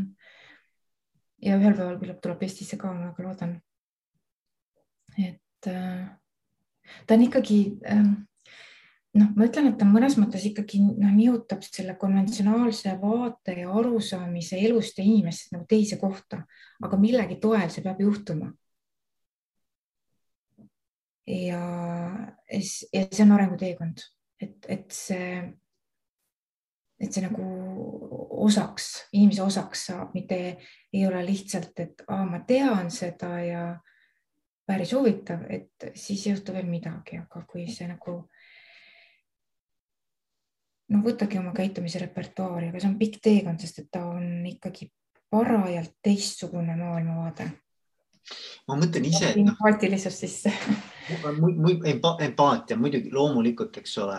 ma mõtlen ise niimoodi, et, et no vaata, et kui sihuke võib-olla jällegi ma, ma loon mingit kuvandit praegu siin juhist, eks ole, aga, aga noh, midagi ei ole teha, nii on, eks tavaliselt on ikkagi juht see, kes siis nagu noh, nagu tunneb, et ta peab kuidagi nagu siis otsustama või ta peab kuidagi siis nagu seda suunama või ta peab nagu siis olema nagu mingil moel siis nagu noh, selliseks valgusallikaks nendele inimestele, eks ole. et, ähm, et mulle tundub, et sellise nagu avatud dialoogi ähm, nagu filosoofiast lähtuvalt tegelikult iga inimene nagu võib olla see nii-öelda valguskiir või noh, et, et nagu, et, et see tähendab juhi jaoks seda, et ta nagu, ta on üks meeskonna liige, et tal on küll mingid juhi funktsioonid või rollid, eks ju, aga tegelikult ükskõik mis teemadel nagu me arutleme, siis ma olen tegelikult täpselt sama võrdne nagu inimene selles nii-öelda selles meeskonnas, et, et, et ma ei tea, mulle endale tundub, et, et, et tema tema nagu staatus ei ole noh, sellel hetkel midagi nagu kuskilt nagu väga mhm. teistmoodi mm -hmm. või et noh, et seal ei ole mingit sellist nii-öelda nagu ma ei tea, eh, võimu erisust või, või, või, või niisugust nagu üks on kuidagi nagu, nagu tugevamal positsioonil kui teine või, või midagi sellist just, on hästi kihvt teema, mis sa sisse tõid, tõesti, et äh, ma nimetan seda samaväärsuseks Mm -hmm. ja mõtlen selle all seda, et, et seda, seda on nagu avatud teoloogis ka, aga eelkõige nendes teistes vaimse tervise teemades, millega ma äh, ka seotud olen, et seal kirjanduses kirjutatakse äh, samaväärsusest ja see tähendab seda, et äh, ei räägita võrdsusest, sest me ei ole võrdsed inimestena ei oma haridustaseme või sissetulekute või, või, või ei tea ja elukoha või, või nende asjade suhtes, mis me oleme, me ei ole võrdsed. aga see samaväärsus tähendab seda, et me suudame mõelda, et meie elud, no minu elu, sinu elu, sinna võrdusmärgi panna, et elu hind on elu hind ja kõigi elud on väärtuslikud. ja minu meelest, kui tuua see siia avatud dialoogi konteksti, siis ongi nii, et, et et iga inimene on väärtuslik ja, ja inimestena me saame olla samaväärsed. samal ajal me saame arvestada ja aktsepteerida seda, et organisatsioonis on inimestel erinevad positsioonid, ametiülesanded, ametijuhendid ja austus ametikoha ja ametikohaga kaasnevate ametiülesannete vastu peaks säilima, aga need on kaks eraldi kihti mm. -hmm ma arvan, et see on nii nagu juhtide või töötajate tasandil samamoodi, et inimene inimesele võiks olla nagu sellel samaväärsuse tasandil suhtlemine. ja sealjuures noh, me ei muutu familiaarseks, vaid me austame selle organisatsiooni kultuuri, neid, seda struktuuri, äh, neid kohustusi, neid vastutusi, mis kellelgi on. ja ma arvan, et see on võimalik. muidugi. et need kaks tasandit ja siis, äh, kui me niimoodi suudame, siis noh, tegelikult see organisatsiooni kultuur või suhtlus nagu noh, inimlikum. Jah, ma arvan, et see nagu üks sõna, mis mul nagu kuidagi tuleb, on nagu väärikus või ma ei oska öelda, niisugune nagu noh, et me oleme nagu, et sinu väärikus ja minu väärikus, need on võrdsed, noh, et selles mõttes nagu noh, mingi sihuke sõna tuli mul praegu. väga hea sõna, just ma võtan selle kaasa, just on hästi-hästi nagu noh, nagu klaarilt selgitab seda, et see väärikus. Ja, ja, ja, ja sa ütlesid väga õieti, et ega siis me olemegi kõik ju erinevate rollidega, eks ju, me, me täidame erinevaid nii-öelda noh, see võib olla ametikoht, aga mulle meeldib noh, rolli mõiste võib-olla on isegi nagu kitsam, et noh, meil on võib-olla mitu erinevat rolli meeskonnas, eks ole.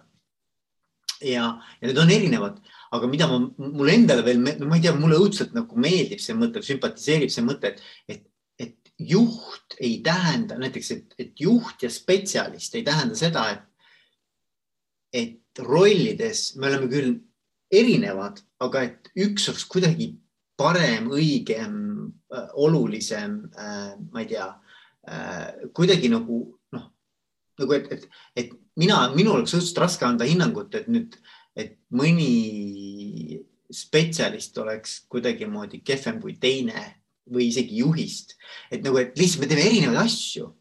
E, e, ja, ja need ongi erinevad ja ma ei taha neid kuidagimoodi nagu samastada, aga et nagu, et, et see mõte ise, et nagu, et juhtimine on ka lihtsalt üks roll, mida meeskonnas täidetakse.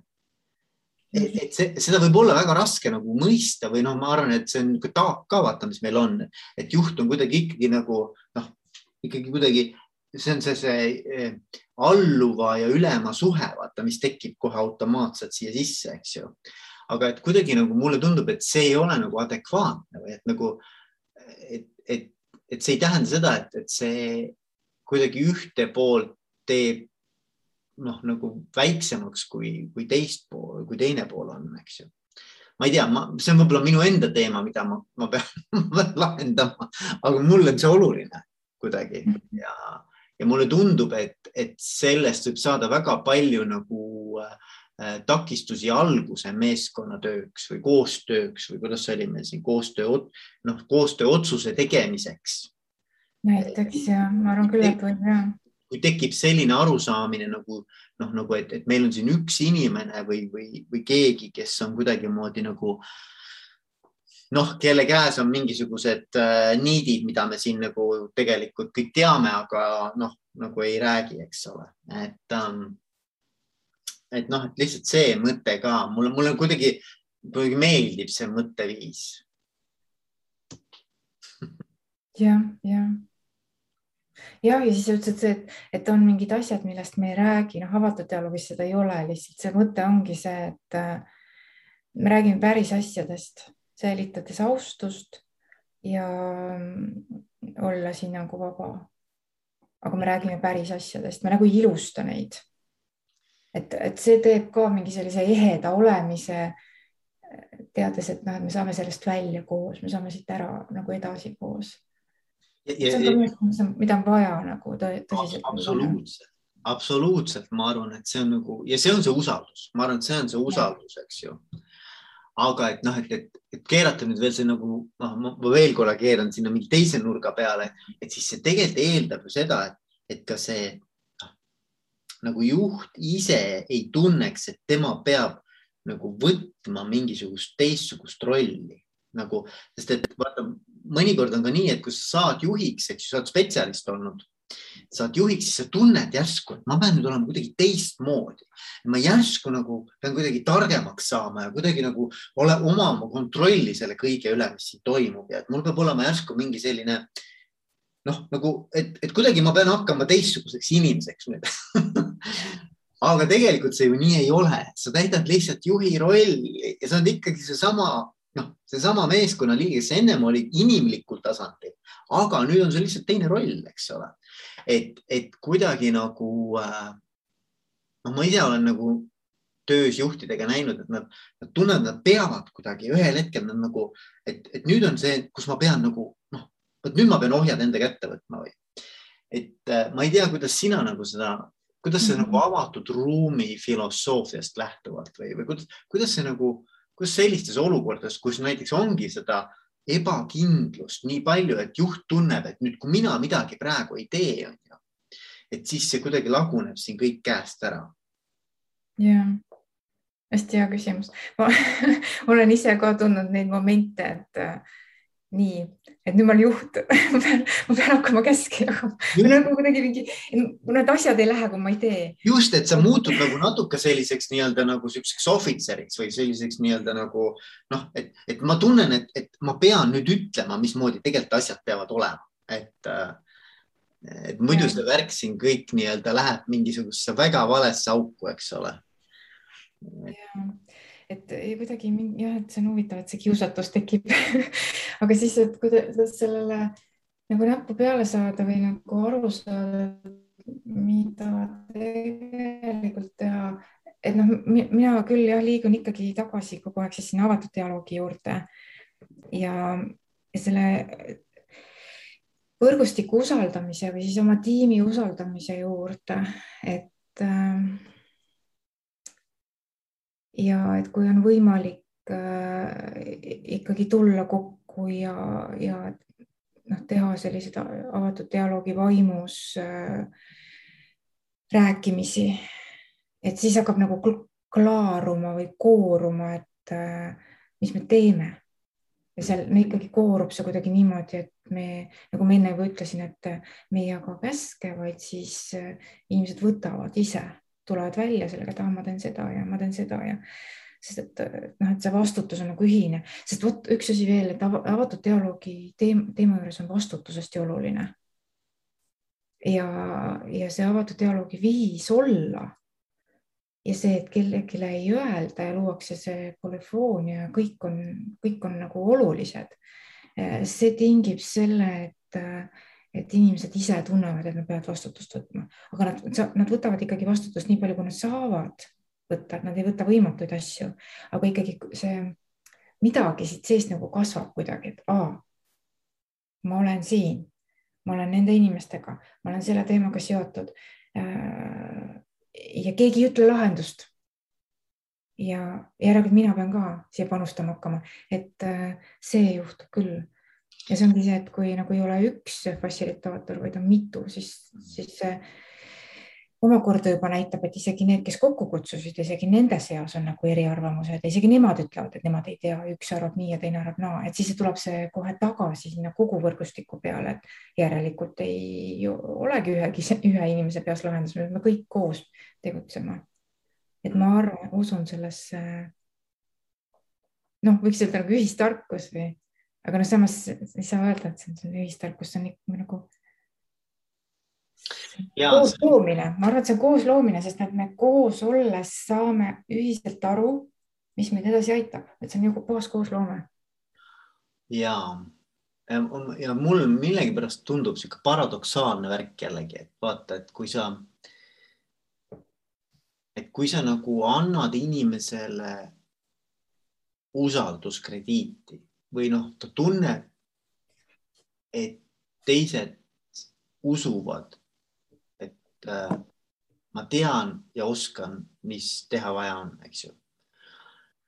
siis kuidagi inimene tõuseb nagu noh, et et selle usalduse tunnetamine tõstab inimeses ka tema enda initsiatiivikust ja tema enda sellist nagu soovi ja, ja tahet panustada ja tahet nagu midagi ära. ütlesid nagu, et, et, et see koostöö, sa nimetasid koostöö otsuseks, eks ole, et siis see kuidagi see, see nagu kasvab sealt välja, kui ta tunneb, et temale on nagu see usaldus grupi või meeskonna või juhi poolt antud.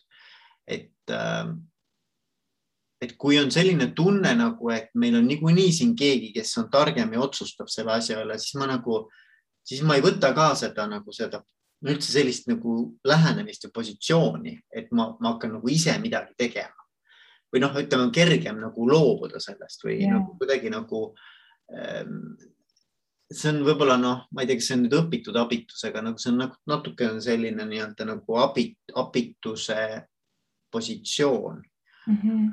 ja sellest välja tulemiseks minu arvates ongi nagu seda vaja, et, et igaühe nagu selline ähm, äh, võimekus on valideeritud ja igaühe arvamus on valideeritud ja igaühe nagu arvamustest tulenev tegutsemine on ka valideeritud, et noh, et, et, et seda nagu isegi soodustatakse või.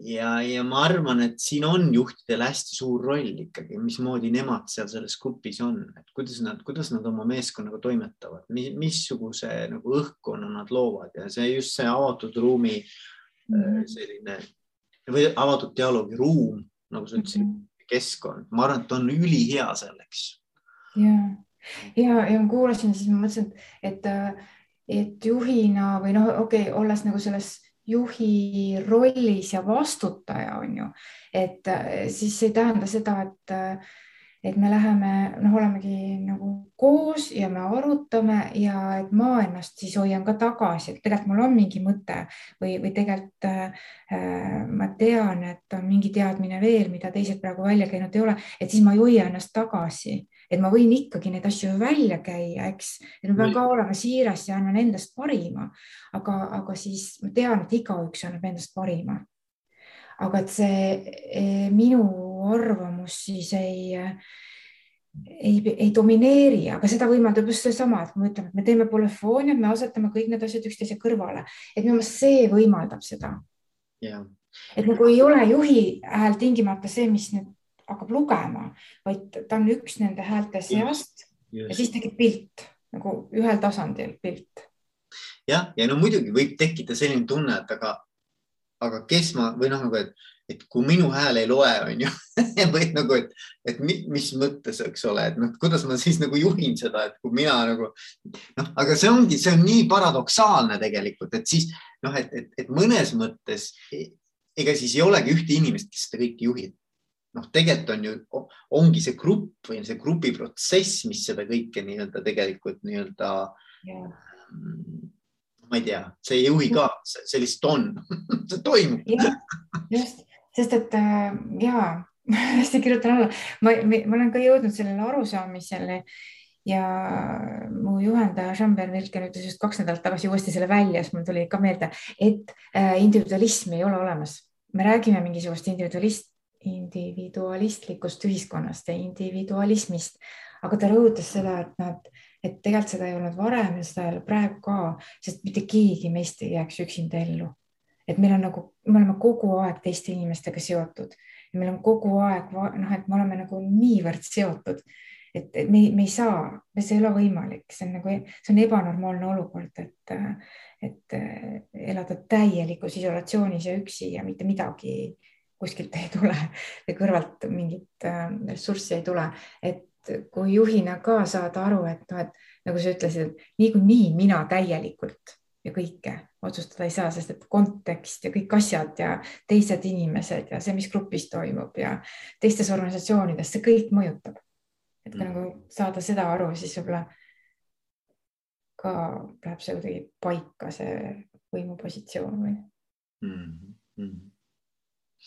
No väga põnev, Dagmar, üli, ülipõnev ja, ja no ma mõtlen just, et noh, vaata minu töö on, eks ju, holokraatia ümber ja see kõik, mis me räägime, noh nagu mingil, mingil tasandil haakub kõige sellega ka. ja, ja, ja mina vaatan seda kõike veel läbi sellise enesemääratlusteooria, et, et kus siis need kolm nii-öelda inimeste baasvajadust äh, on siis nagu esiplaanil, et kuidas sellised juhtimispraktikad nagu kaasaegsed juhtimispraktikad nagu holakraat, kuidas, kas ka nad aitavad ja kuidas nad aitavad kaasa nende vajaduste täitmisele. mulle tundub, et needsamad teemad, mis me täna läbi käisime ja seesama avatud dialoogi meetod ka samamoodi toetavad just nimelt neid vajadusi, et, et, et see, see, see nagu baasvajadus, et ma, ma noh, seal on nagu autonoomia ja iseseisvuse järele, eks ole. ja see on, polüfoonia tuleneb ka, noh, see on ju ka, et, et tegelikult, et ma saan ikkagi nagu öelda ise oma arvamuse, oma mõtted ilma tsensuurita, ilma seda äh, nii-öelda mingisugust hinnangut kartmata, eks ole, et nagu, et selline nii-öelda iseseisvus või noh, seal on jah, vähemalt mingi element sellest, eks ju, ja siis, et äh, ma olen seotud selle grupi või selle meeskonnaga, et me, me ajame siin nagu ühte asja, eks ju, et me kõik oleme tegelikult ju siin sellesama teemaga seotud, mis iganes meil siis parasjagu käes on või käsil on et see, see seotus selle grupi ja selle teemaga ja siis, ja siis mulle meeldib veel mõelda, et noh, seesama tugevuste teema, millest me ka rääkisime natukene, et nagu ma olen milleski väga hea, eks ju.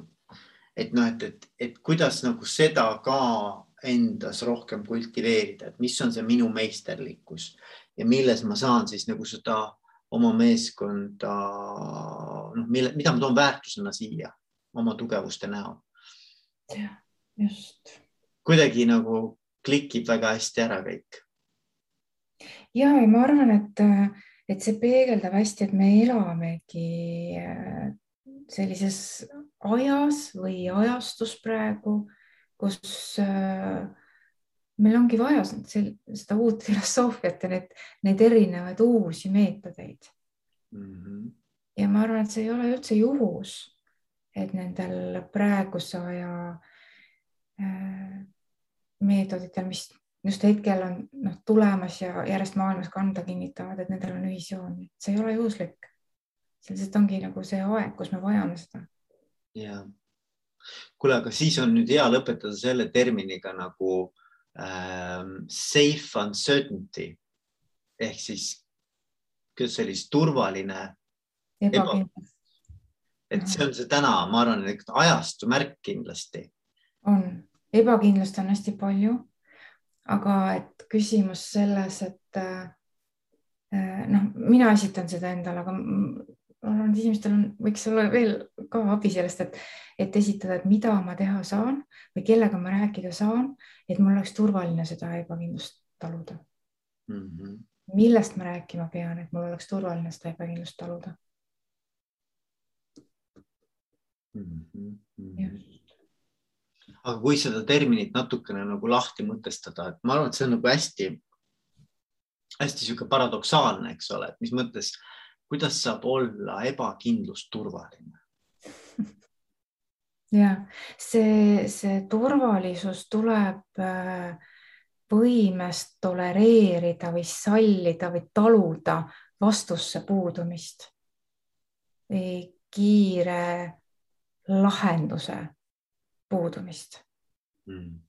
selles ja see, kuidas me seda suudame, äh, on äh, noh, avatud dialoog ütleb, et see on dialoog, et kui me tõeliselt nagu kohtume teiste inimestega, et meil tekivad need dialoogi momendid, et kus on äh, avatus ja usaldus ja, ja, ja tekib see üksteisega arvestamine, et siis mul ei ole seda tunnet, et ma olen selles olukorras üksi, selles ebakindluses üksi, et ma ei ole üksi. ja, ja kui me ei ole üksi, siis me mõtleme ju koos, kui, kui, kui me taotleme seda, et meie vahel tekiks see dialoog, et siis me sellele uuele unikaalsele olukorrale leiame lihtsalt lahenduse. et see tuleb sellest mm., et ja ma, ma ise olen kogenud, et see tuleb treeninguga, et aeg-ajalt on küll jällegi, et on see uus olukord, unikaalne olukord, äh, ebakindel olukord, noh, nii uus, et see võtab nagu jalad alt ära mõneks ajaks. Äh, ja samas noh, hoides seda meeles või noh, noh, teades seda, et tegelikult on, on võimalik äh, selles ebakindluses turvalisus leida, et, siis ma noh, märkan enda pealt, et ma hakkan liikuma selles suunas, et äh, kes on need inimesed, kus on see koht, äh, kuidas ma saan selle turvalisuse tagasi. aga mind ennast on aidanud see teadmine, et see turvaline ebakindlus on võimalik, et ma arvan selles mõttes, et tõesti, et teadmistes on ka vabastav jõud. et kui me, kui me mingeid asju lihtsalt teame elu ja inimeste kohta, mitte ainult selle ebakindluse kohta, või üleüldse, kui me teame, et, et siis teadmised tegelikult võivad meid päris palju aidata. kuigi see on paradoksaalne ka, et ega siis ei pruugi sellel väga kriitilisel hetkel sellest kergem olla, et ma tean, et see läheb üle. aga siiski noh, midagi sellelegi on mm.. et ma saan öelda, et äh, endale, et äh, olgu, et äh, see ei ole esimene kord, kus inimesed sellistes olukordades on. Et see ei jää, see ei saa jääda nii mm. -hmm. kriis ei saa ka jääda nii, alati ta nagu võtab mingi teise vormi natukese aja pärast mm. -hmm. ja, ja mm. -hmm jah, et, et see on nagu üks on siis nagu seotus või arusaamine, et me oleme nagu koos, eks ole, või noh, niisugune nagu äh, mingi suhet, suhetest tulenev või noh, seotusest tulenev nagu tugi. teine mhm. on siis see teadmisest tulenev tugi, eks ole. teadmine, et, et, et ilmselt noh, see on ka nagu asi, mis on võimalik nagu või noh, ta muutub, eks ole, et see, see olukord muutub mm ja siis ma mõtlen veel nagu seda, et noh, ma mäletan, mul endal oli, et ma käisin kunagi äh, Lõuna-Ameerikas jalgrattaga matkamas üksinda ja siis seal oli ka niimoodi, et, et noh, ühel hetkel ma nagu, noh, sa ikkagi tahad kontrollida seda, et kuhu sa lähed ja mis seal toimub ja kus sa süüa saad ja kus sa magada saad. tekivad niisugused nagu, niisugused nagu noh, inimlikud nagu ootused, et, et, et, et tahaksid nagu, et kõik oleks kontrolli all, et noh aga siis, kui seda ei ole, siis sa ühel hetkel pead sellest lahti laskma. Tead, et noh, et, et nagu, et sa, et, sa seal nurga taga sa iga, iga käänu taga, mis siis sõidad, et seal võib olla ükskõik mis, sa ei kujuta ette, mis sind ootab ühel, ühel või teises kohas. et kuidas sellega nagu toime tulla selles mõttes, et, äh, et kui me siin iga päev oma elu elame, eks ju, et käime oma radu pidi oma harjumuspäraseid nii-öelda inimest, inimestega suhtleme ja mingid mustrid, mis meil on sisse harjunud igapäevaselt. aga et kui sa oled täiesti teises keskkonnas ja kõik on uus ja kogu aeg, iga päev on mõnes mõttes nagu uus avastamine, eks ju siis on nagu minul oli küll niimoodi, et ühel hetkel ma lihtsalt nagu pidin tegema rahu sellega, et äh, et nagu, et ma usaldan, et ükskõik, mis seal nurga taga on, et see on hästi. et kuidagi ma, ma ei oska öelda, kas see nagu haakub sellega või ei haaku, aga mul praegu nagu tuli see mõte, et, et siis mul oli küll niimoodi, et, et ma nagu usaldasin, et elu kannab no, või nagu, et, et ükskõik, et noh, et mis siis iganes juhtub täna et see on hästi ja, ja et kuidagi mulle meeldis, sest see andis mulle endale mingisuguse sellises, et sa võid hulluks minna oma selle sooviga nagu kontrollida, mis ümberringi toimub mm. -hmm. ja, ja, ja sa ei saagi, noh, see ei ole võimalik lihtsalt, et, et noh, me ka ei mõtle ju kogu aeg iga päev, kui sõidad autoga, et kes see nüüd mulle otsa sõidab, et mis minuga nüüd juhtuda võib, eks ju mm. -hmm. Läheks kooli, sa nagu usaldad, et noh et ümberringi need autod, mis minuga siin liiklevad, et noh, et kõik on hästi, et igaüks teeb oma, oma osa ja et kõik läheb hästi, eks ju. et kuidagi ma seal ka nagu sain mingisuguse sellise kindluse või, või nagu enesetoetuse, et, et jah, et, et ükskõik mismoodi mul see elu siin läheb, et, et ma usun, et ma nii nagu kass maandub neljale käpale alati, eks ole, et noh, ma ka ja kuidagi mulle see nagu, ma ei tea, miks see tuli mul nagu paralleelina selle, selle safe uncertainty'ga, sest noh, tegelikult oli kõik väga ebakindel aga, aga päeva lõpuks oli kõik ikkagi turvaline niisugune lugu siia lõppu. väga kihvt. aga Dagmar, aitäh sulle. me oleme, ma arvan, me oleme, me oleme, me oleme küll pikalt rääkinud, aga see on jube äge olnud ja, ja mul väga-väga meeldis ja, ja jällegi poleks kunagi arvanud, et me täpselt sellist juttu räägime, aga näed, täna, täna siis niimoodi ja, ja mine tea, äkki siis tulevikus kunagi võib-olla teeme jälle, räägime teistel teemadel. ja aitäh sulle, et on hästi huvitav olnud äh, koos mõelda. ja, ja, ja nagu sa ütlesid tõesti, et äh, kunagi ei tea, kuhu, missuguse trajektoori jutud võtavad. Ei tea, ei tea jah. see on põnev teekond. väga äge.